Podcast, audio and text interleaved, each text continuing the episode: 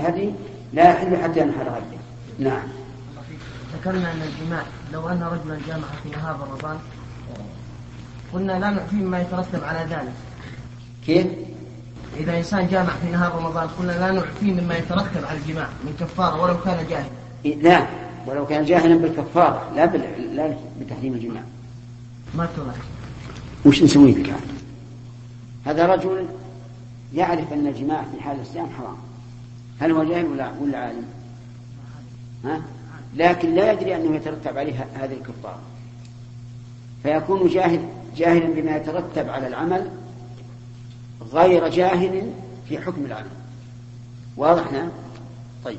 ومثل الزاني إذا زنى المحصن يعرف أن الزنا حرام لكن لا يدري أنه يترتب عليه أن يرجم ولو علم أنه يترتب عليه الرجم ما زنى. فهل نرجمه أو لا نرجمه؟ الجواب. نرجمه. نرجمه. نعم عبد الله. أمس قلنا إذا أرسل الدراهم بلاد الخارج فيعني يعني الحكم في تحريم أن يأخذ من شعره واظفاره موجود حتى يتيقن من ذبح ال- نعم. فكيف نجمع بينه وبين حديث؟ أي يعني حديث عائشة أنه النبي صلى الله عليه وسلم عندما قلدها و- وأرسلها نعم. ما حرم شيء حلها هذا هدي. ما يؤذى يحيى الله عمر الشيخ يقول أي نعم. هو كونها ذلك هذا هذا أضمن ل- لشرطها. يعني شق السنام وأما كونها مستقبل الق- مستقبلة القبلة فلا أعلم في هذا نصا ولا أعلم أن النبي صلى الله عليه وعلى آله وسلم كان ينحر هديه في منى مستقبل القبلة. لكن لعل ابن عمر قال إنها طاعة وقد ذهب بعض أهل العلم إلى هذا وقال كل طاعة فالافضل فيها استقبال القبلة إلا بدليل. حتى قالوا ينبغي لمن يتوضأ أن يستقبل القبلة حال وضوءه إلا بدليل. كم من المقرر من الأسئلة؟ أربعة؟ يعني والمقرر ثلاثة. باب باب فتل القلائد للبدن والبقر. حدثنا مسدد قال حدثنا يحيى عن عبيد الله قال أخبرني نافع نافع عن ابن عمر عن حفصة رضي الله عنهم قالت قلت يا رسول الله ما شأن الناس حلوا ولم تحلل أنت؟ قال إني لبت رأسي وقلدت هدي فلا أحل حتى أحل من الحج. حدثنا عبد الله بن يوسف قال حدثنا الليث قال حدثنا ابن شهاب عن عروة وعن عمرة بنت عبد الرحمن أن عائشة رضي الله عنها قالت كان رسول الله صلى الله عليه وسلم يهدي من المدينة فأفتل قلائد هديه ثم لا يجتنب شيئا مما يجتنبه المحرم. قوله رضي الله عنه حتى نعم حفصة. فلا أحل حتى أحل من الحج. أكثر الروايات فلا أحل حتى أنحر. حتى أنحر. فعلى هذا يكون من ساق الهدي لا يحل إلا بالنحر. وأما من لم يسق الهدي فإنه إذا رمى وحلق وإن لم ينحر حل. التحلل الأول.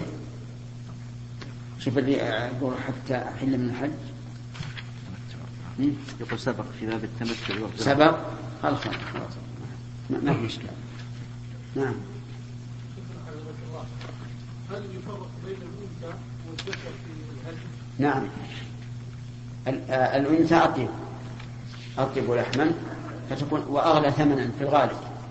فتكون أفضل لم إيش؟ نجز ولد ناقة لم نجز؟ وش معنى لم نجز؟ لم نجز؟ وش معنى نجز؟ وش أو لم نجوز ما يفعل. أجاز أو أو جوز. لكن وش معناه؟ يعني لم نجوز يعني الذي أهدى البدنه نعم. أن ينتفع بابن الناقه في ابنها؟ ولدها. هل هو منفصل قبل أن يهديها ولا؟ هل هل هذا الولد انفصل قبل أن يهديها؟ أي نعم. لا هو اشعرها. وولدت بعد بعد يدخل معها. ما يعتبر انفصال لا لا ما لأنه في بطنها. عبد الرحمن. شوف احسن الله من أرسل دراهم له هذه في مكه هل يساق ما اشتراه من آه، آه، للهدي من الحل أم يسوق من الميقات؟ كيف؟ من ارسل دراهم مع واحد من الحجاج نعم. يجوز أن يشتري في مكة ويذبح ويجوز أن أن يشتري من قبل حدود الحرم يعني من الحل ويجوز من الميقات حسب ما يتيسر ها؟ أن يجمع له بين الحل والحرم كيف؟ يعني يخرجه إلى الحل ثم يدخله من الحرم إلى الحرم. هذا هذا السياق ما يحتاج هذا إذا قلنا يسوق الهدي بمعنى أنه يأتي به من الحل هذا أدنى شيء ثلاثة بل واحد نعم.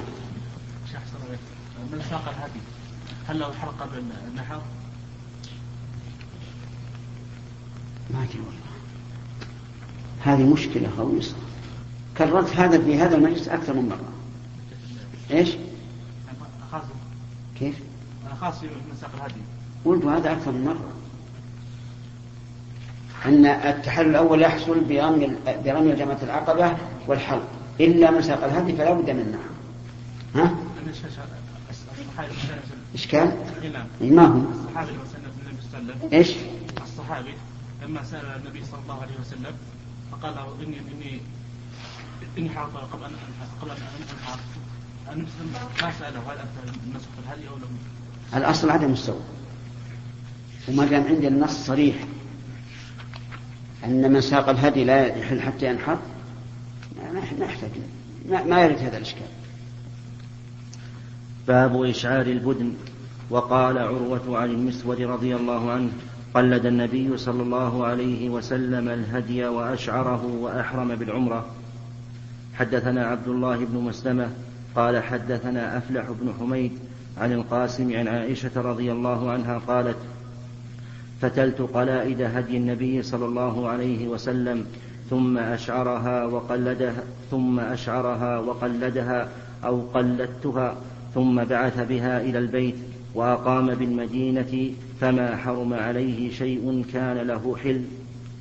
باب باب من قلد القلائد بيده. حدثنا عبد الله بن يوسف قال أخبرنا مالك عن عبد الله بن أبي بكر عن عبد الله بن أبي بكر بن عمرو بن حزم عن عمرة بنت عبد الرحمن أنها أخبرته أن زياد بن أبي سفيان كتب إلى عائشة رضي الله عنها إن عبد الله بن عباس رضي الله عنه قال من أهدى هديا حرم عليه ما يحرم على الحاج حتى ينحر هديه قالت عمرة. فقالت عائشة رضي الله عنها ليس كما قال ابن عباس أنا فتلت قلائد هدي رسول الله صلى الله عليه وسلم بيديه ثم قلدها رسول الله صلى الله عليه وسلم بيديه ثم بعث بها مع أبي فلم يحرم على رسول الله صلى الله عليه وسلم شيء أحله الله له حتى نحر الهدي. قوله حتى الحج الهدي ليس المعنى ثم لما نحره حرم عليه. بل المراد استمرار هذا الحكم إلى نحر الهدي فقط.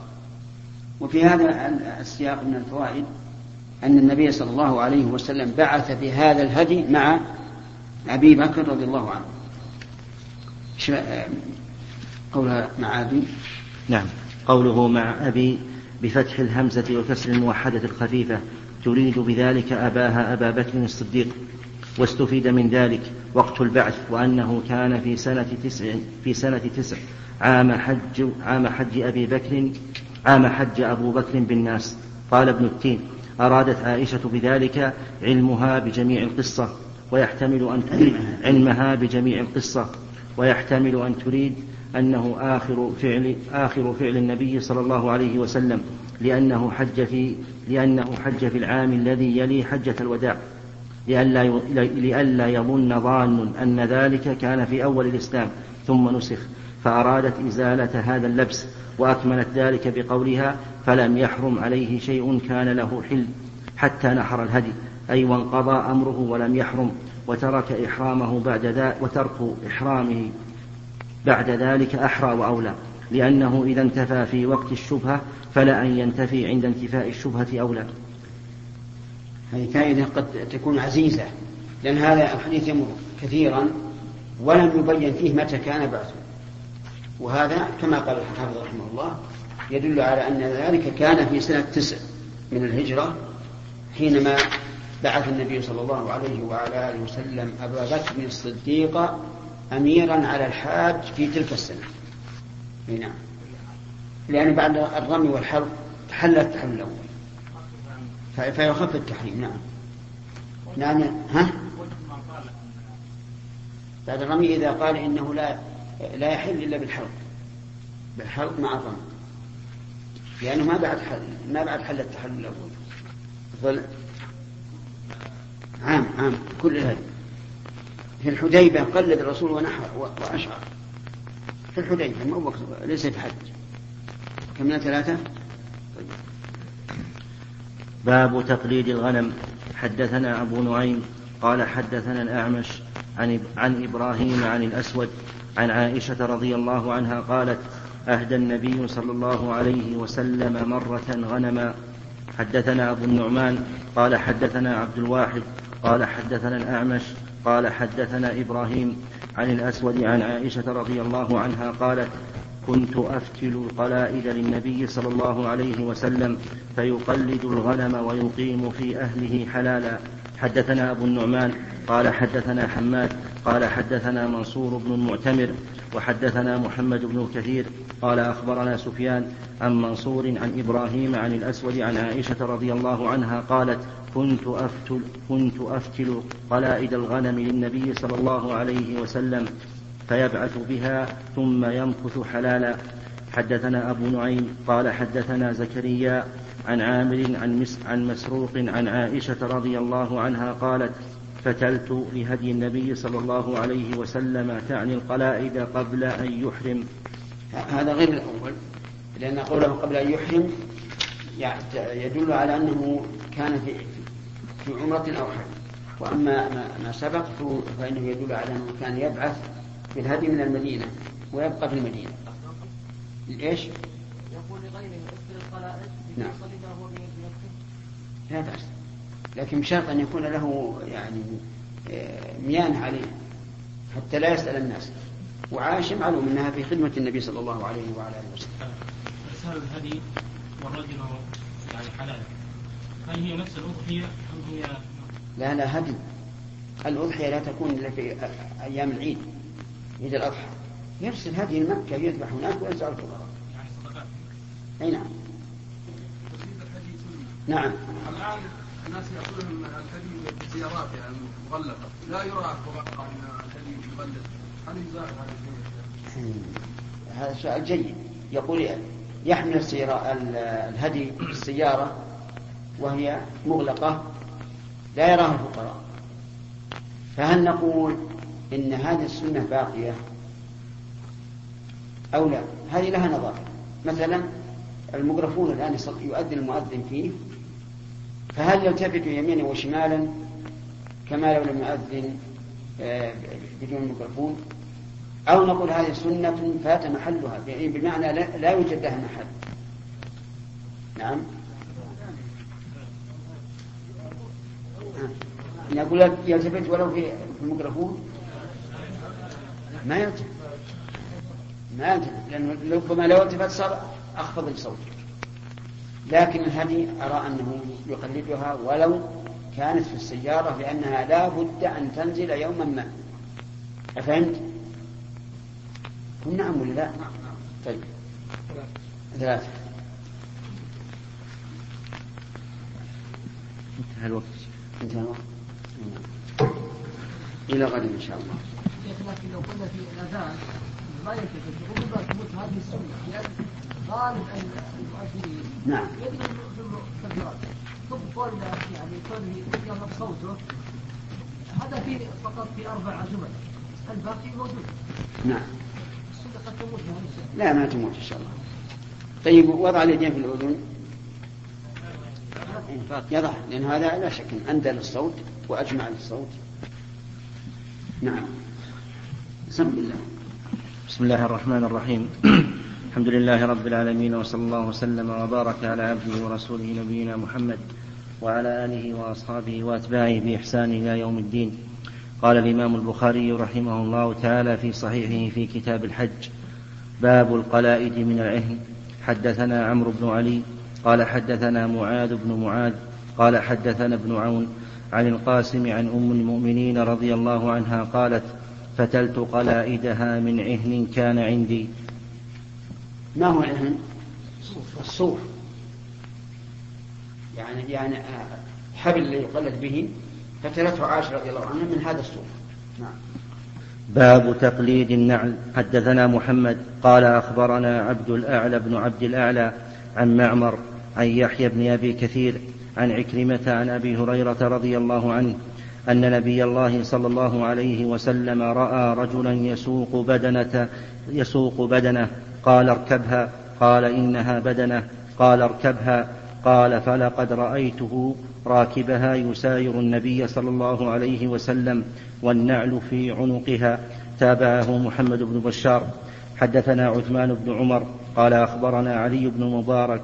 عن يحيى عن عكرمة عن أبي هريرة رضي الله عنه عن النبي صلى الله عليه وسلم. باب الجلال للبدن. وكان ابن عمر رضي الله عنهما لا يشق من الجلال إلا موضع السنام. وإذا نحرها نزع جلالها مخافة أن يفسدها الدم ثم يتصدق بها.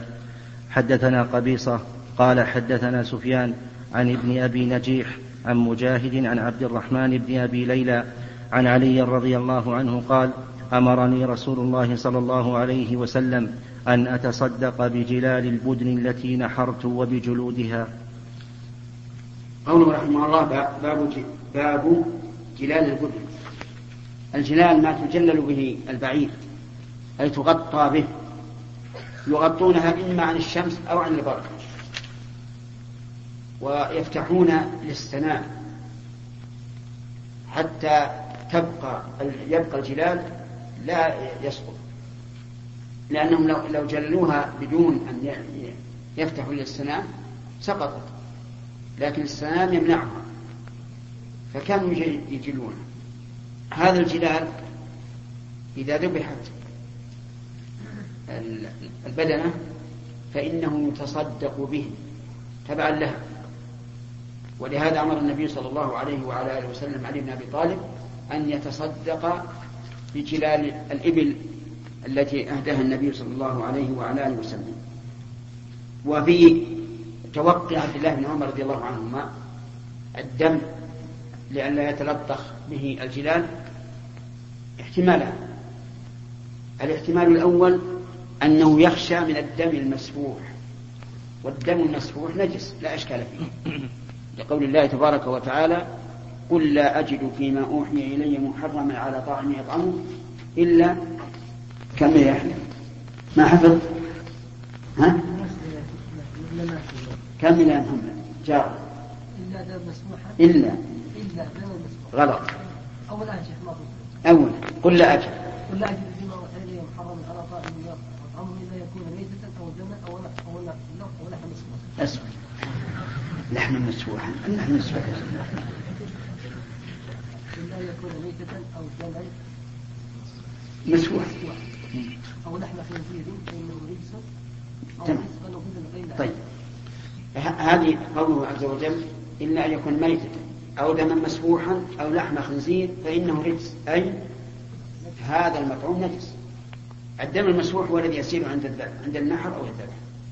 فيحتمل أن الجلال الذي جلل به عبد الله بن عمر رضي الله عنهما بدنته واسعة يصل إلى حد المنحر ويحتمل أنه أراد رضي الله عنه أن لا يتلوث الجلال بالدم الطاهر لأن الدم الذي يبقى بعد زهوق النفس في كل مذكى أو أو منحور طاهر.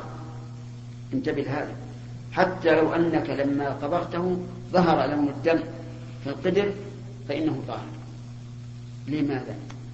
لأن المذكات أو المنحورة لما تفرغ الدم صار الباقي كاللحم. طاهر حلال حتى الكبد وحتى دم دم القلب. حلال مع أن دم القلب كثير لكنه حلال.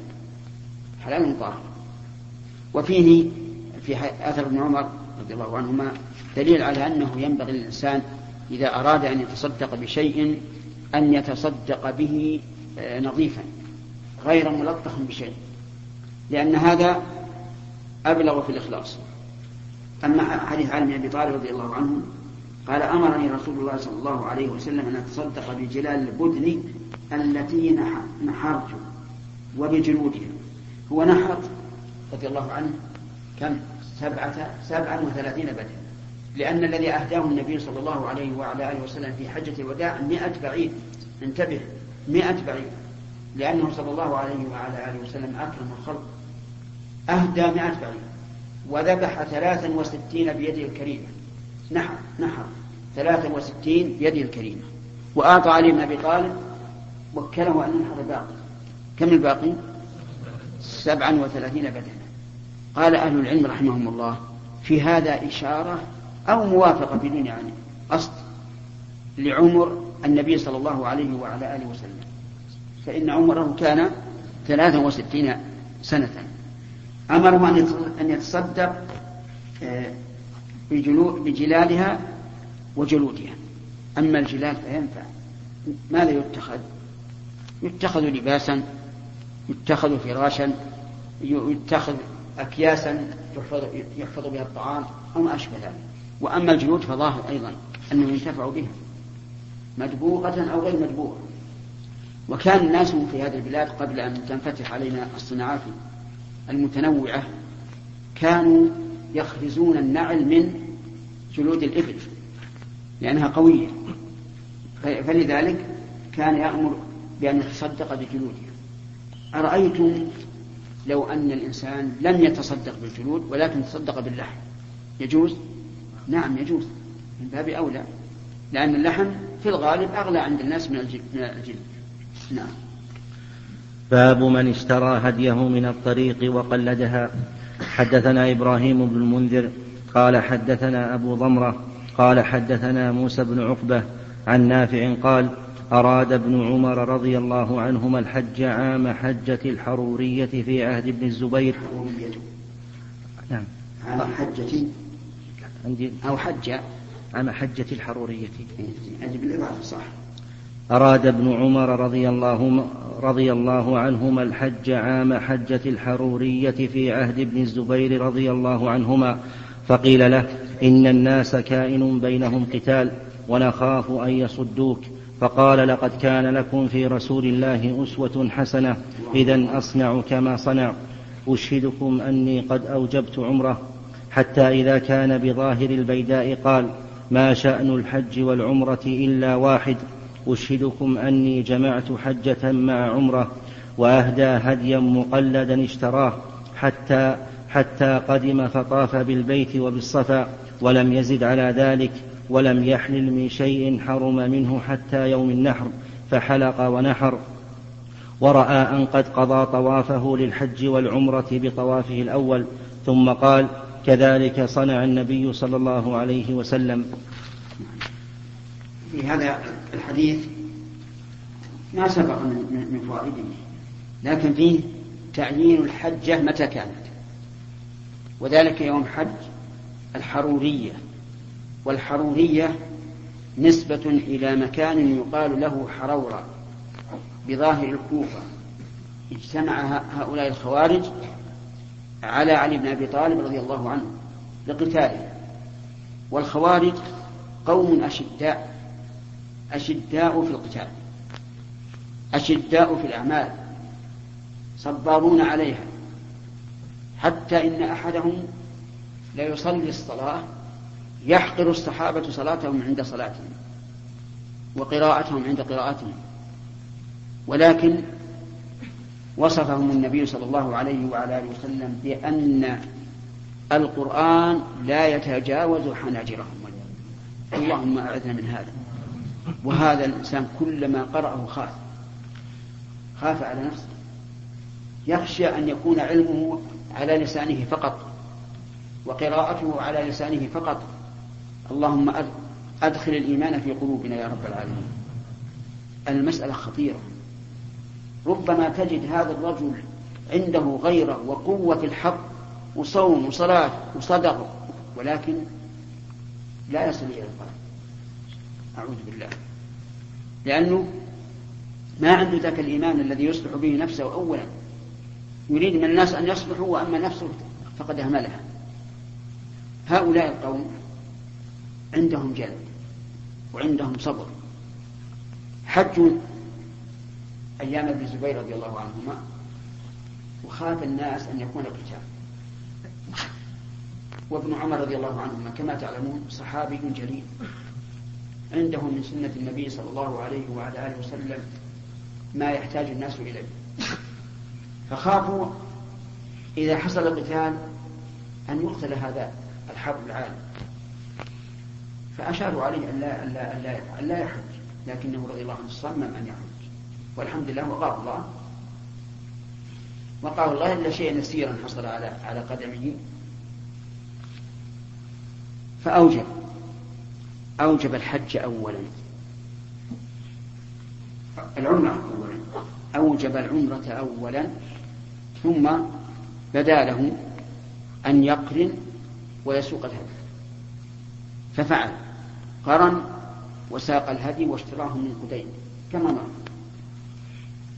وقدم مكة وطاف وسعى ولكن لم يحل إلا يوم النحر. في هذا السياق يقول إنه حلق ونحر والواو لا تقتضي الترتيب لا, يس لا يلزم منها الترتيب. ويجوز أن يكون الترتيب على ظاهر الحديث ويكون عمر ابن عمر فعل الرخصة لأنه يجوز أن يحلق قبل أن ينحر. لكن قوله هكذا فعل النبي ظاهره أنه قدم النحر على الحلق مع أنه يجب أن تعلم أنهم أحيانا يقولون هكذا فعل النبي أو هكذا صلاة النبي ومرادهم في الجملة لا بالتفصيل. نعم. باب ذبح باب ذبح الرجل البقر عن نسائه من غير أمرهن. حد نعم, نعم. هل أراد العمرة لوحدها أو أراد التمتع؟ لا هو حتى هو مريد التمتع لأن اسم كل من اعتمر في أشهر الحج وهو يريد الحج فهو متمتع. لا هو جاي للحج هو جاي للحج. نعم ربما يكون الإنسان مثلا ذهب في أيام في في أيام الحج في أشهر الحج يريد العمرة فقط ولا على باله أن يحج ثم طرى له أن يحج هذا نقول مفرد نقول إنه مفرد نعم يا سليم. شيخ بالنسبة لعمل الآخرة عمل إيش؟ عمل الآخرة أقول لك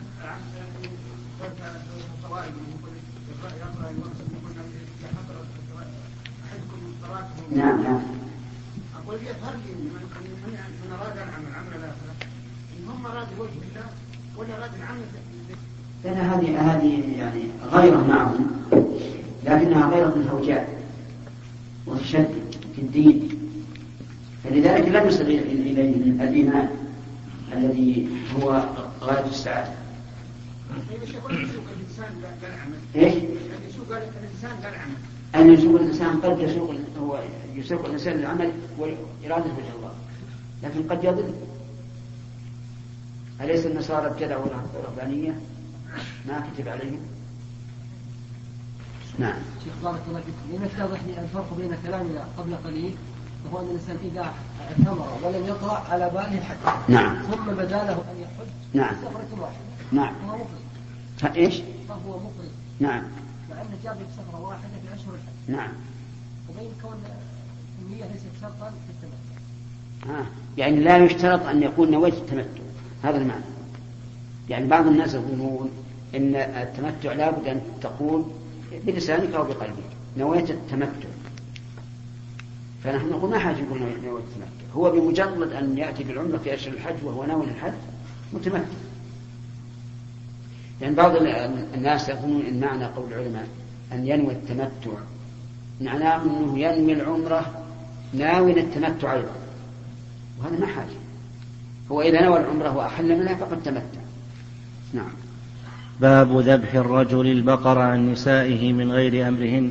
حدثنا عبد الله بن يوسف قال أخبرنا مالك عن يحيى بن سعيد عن عمرة بنت عبد الرحمن قالت سمعت عائشة رضي الله عنها تقول خرجنا مع رسول الله صلى الله عليه وسلم لخمس بقين من ذي القعدة لا نرى إلا الحج. فلما دنونا من مكة أمر رسول الله صلى الله عليه وسلم من لم يكن معه هدي إذا طاف وسعى بين الصفا والمروة أن يحل. قالت فدخل علينا يوم النحر بلحم بقر فقلت ما هذا؟ قال نحر رسول الله صلى الله عليه وسلم عن أزواجه. قال يحيى فذكرته للقاسم فقال أتتك بالحديث على وجهه. يعني مع أنها ضبطت. وهذا أمر واضح إذا ذبح الرجل عن أهله بدون علمهم فإنه يجزئ لأنه هو راعيهم والمسؤول عنهم وهم آذنون له في الواقع.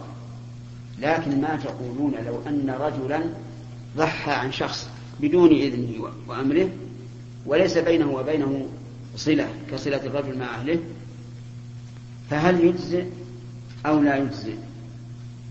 نقول إن ذبحه ناو عنه. يعني ناو أن هذه الأضحية عن الأول كوكيل عنه. فهذا لا يصح إلا على قول من يرى جواز التصرف الفضولي وأما إذا نوى الثواب له الثواب لمن ذبح له لا أنه كالمنفذ الوكيل. فهذا لا بأس به. فهمتم الفرق؟ عجيب ولا لا؟ طيب هذا إنسان ذبح أضحية عن شخص. كأنه وكيل عنه. كأنه وكيل عنه ليذبح له. بدون وكالة. هذا نقول إنه لا يصح لأنه عبادة لم يذل له فيها. إلا إذا قلنا بجواز تصرف الفضول. يعني يعني التصرف الذي يتوقف على إجازة من تصرف له وهو الصحيح فإنه يجزي أما إذا ذبحها على أنه هو المضحي لكن نوى ثوابها لفلان فهنا لا يشترط إذنه ولا إشكال فيه. لا ما أشكل إنما يكون له الإحسان فقط أجر الإحسان فقط. ولهذا قال النبي صلى الله عليه وعلى آله وسلم للمرأة التي رفعت يدي الصبي لهذا حج؟ قالت نعم ولك أجر. قال نعم ولك أجر. ولم يكن ولك أجر الحج. لأن أجر الحج لمن نوي له. لكن هذا يؤجر آه، أجر المحسن تقرأ علينا الحديث هذا. قوله باب ذبح الرجل البقرة عن نسائه من غير أمرهن. أما التعبير بالذبح مع أن الحديث مع أن حديث الباب بلفظ النحر فإشارة إلى ما ورد في بعض طرقه بلفظ الذبح وسيأتي بعد سبعة أبواب من طريق سليمان بن بلال عن يحيى بن سعيد. ونحر, ونحر البقر جائز عند العلماء إلا أن الذبح مستحب عندهم لقوله تعالى إن الله يأمركم أن تذبحوا بقرة. وخالف الحسن بن صالح فاستحب نحرها.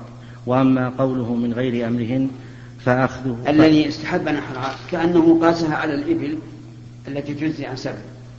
ولكن القياس في أهل محله. والفرق ظاهر. الفرق أن عنق الإبل طويل. فلو ذبحت من عند الرأس لشق ذلك مشقة عظيمة عليها. لأنه يبقى سير الدم طويلا. فتتألم. لكن إذا نحرها في أسفل الرقبة فهو قريب من القلب. بمجرد ما يضخ القلب أول مرة يندفع الدم. ولهذا كان موت الإبل أسرع من موت الشاة. لماذا؟ لأن المسافة بين القلب وبين ذبح الشاة طويلة نسبيا وأما النحر فهو قريب جدا من القلب. وهذه من حكمة الله عز وجل أن الإبل تنحر وما سواها يذبح. نعم. وأما قوله من غير أمرهن فأخذه من استفهام عائشة عن اللحم لما دخل به عليها ولو كان ذبحه بعلمها لم تحتج إلى الاستفهام لكن ليس ليس ذلك دافعا للاحتمال. فيجوز أن يكون علمها بذلك تقدم بأن يكون استأذنهن في ذلك. لكن لما أدخل اللحم عليها احتمل عندها أن يكون هو الذي وقع الاستئذان فيه وأن يكون غير ذلك فاستفهمت عنه لذلك.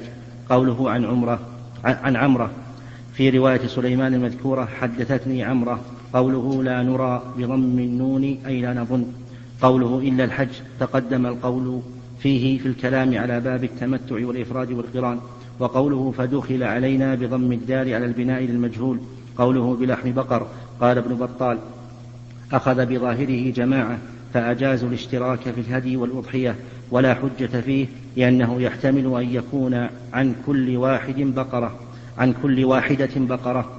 وأما رواية يونس عن الزهري عن عمرة عن عائشة أن رسول الله صلى الله عليه وسلم نحر عن أزواجه بقرة واحدة فقد قال إسماعيل القاضي تفرد يونس بذلك وقد خالفه غيره.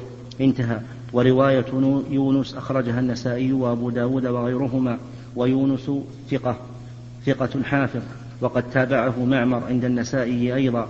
ولفظه أصرح من لفظ يونس. قال ما ذبح عن آل محمد في حجة الوداع ما, ما, ذبح عن آل محمد في حجة الوداع إلا بقرة. وروى النسائي أيضا من طريق أو ما ذبح. إيه. ولفظه, ولفظه أصرح من لفظ يونس. قال ما ذبح عن آل محمد في حجة الوداع إلا بقرة. وروى النسائي أيضا من طريق يحيى بن أبي كثير عن أبي سلمة عن أبي هريرة قال ذبح رسول الله صلى الله عليه وسلم عم عمن اعتمر من نسائه في حجة الوداع بقرة, بقرة بينهن. صححه الحاكم وهو شاهد قوي لرواية الزهري. وأما ما رواه عمار الدهني عن عبد الرحمن بن القاسم عن أبيه عن عائشة قالت ذبح عنا رسول الله صلى الله عليه وسلم يوم حججنا بقرة بقرة. أخرجه النسائي أيضا فهو شاذ مخالف لما تقدم. وقد رواه المصنف في الأضاحي ومسلم أيضا من طريق ابن عيينة عن عبد الرحمن بن القاسم بلفظ. ضحى رسول الله صلى الله عليه وسلم عن نسائه البقر ولم يذكر ما زاده عمار الدهني. وأخرجه مسلم أيضا من طريق عبد العزيز المجشون عن عبد الرحمن لكن بلفظ أهدى. بدل ضحى. والظاهر أن التصرف من الرواة لأنه ثبت في الحديث ذكر النحر فحمله بعضهم على الأضحية. فإن, فإن رواية أبي هريرة صريحة في أن ذلك كان عمن اعتمر من نسائه فقويت رواية من رواه بلفظ أهدى وتبين أنه هدي تمتع أنه هدي, هدي التمتع. فليس فيه حجة على مالك في قوله لا ضحايا على أهل منى. وتبين توجيه الاستدلال به على جواز الاشتراك في الهدي والأضحية والله أعلم. واستدل به على أن الإنسان قد يلحق يلحقه من عمل غيره ما عمله عنه بغير أمره ولا علمه وتعقب باحتمال الاستئذان كما تقدم في الكلام على الترجمة. وفيه جواز الأكل من الهدي والأضحية وسيأتي نقل الخلاف فيه بعد سبعة أبواب. نعم. وفيه إشكال من جهة أن زوجات النبي صلى الله عليه وعلى آله وسلم كن تسعا. والبقرة لا تجزي إلا عن سبع. ولكن قد يقال إن الثنتين الباقيتين ذبح عنهما شاة. شاة شاة. وهذا سهل. الإجابة على هذا سهل. من مشكلة. يحيى. أخذ من هذا الحديث في الناس قال أن التضحية بالبقرة أفضل من البدن. إن؟ التضحية بالبقرة. إن. تضحية. أي. بالبقرة أفضل من البدن. لا لا لا حجة فيه. لأن هذا ليس تضحية هذا هدي. وأما لفظ ضحى كما قال ابن حجر من تصرف الرواة.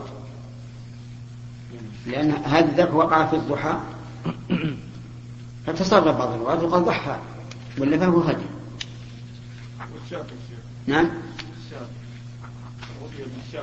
إيش؟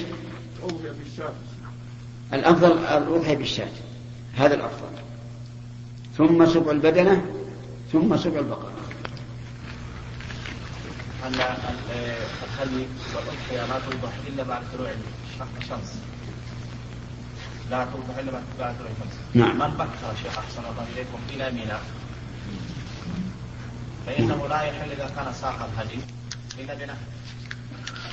هل يبقى إلى إلى طلوع الشمس حتى ينهرها؟ نعم. إذا ما استفاد من التعجيل. إذا إذا ما استفاد من هذا الدفن قبل الناس لا استفاد. الرمي. النحل النحل ما في إشكال لأن النحل ينحل الإنسان بأي مكان. لو على سف- سفوح الجبال. لكن مشكلة الرمي أنه محصول بمكان معين. النحر الدهين محصول في مكان مثل لا. الآن يعني هي المعلومة الآن للمصلحة لأنه لو بقي كل إنسان ينحر أو يذبح هديه عند خيمته لحصل ضرر عظيم. ونحن أدركنا بعضه لما كان الناس كل ينحر أو يذبح عند خيمته حصل رائحة كريهة ما يقدر الإنسان يبقى في منى ولا ولا يومين ويحصل أوبئة. لكن الحمد لله الآن كما ترون. نعم. ما يعد الشيخ صار إيش؟ ها؟ ما يذبح للحاجة. لا لا لا يذبح الحاجة أنت تريد أن تأكل اللحم بكي نعم. جزاكم الله خير. جزاكم الله خيرا. ما الذي يجوز إلقاؤه من الدماء التي يتقرب بها إلى الله؟ ما الذي؟ ما الذي يجوز إلقاؤه. إلقاؤه إلقاؤه يعني رمي إيه. يعني رمي من الدماء التي يتقرب بها إلى الله ما يجوز. يجب على الإنسان أن يأكل و- و- و- ويطعم. إلا إذا كان المساكين حوله وقال جماعة خذوا. فلا بأس. طيب. الإنسان أولا أن الجلول وال و... و... و... والأكارع وما أشبه ذلك مشقة على الناس الآن. خلينا نقول أخ... أخليها. إما أن تشتغل بها الحكومة أو الفقراء يأتون ويأخذونها. نعم؟ رمها إيه؟ هو يبي يخليها يبي يخليها بما يسمونه الشرك كل ما لا ينتفع به فلا بأس بإلقائه ورميه في البر إذا كان لا ينتفع به.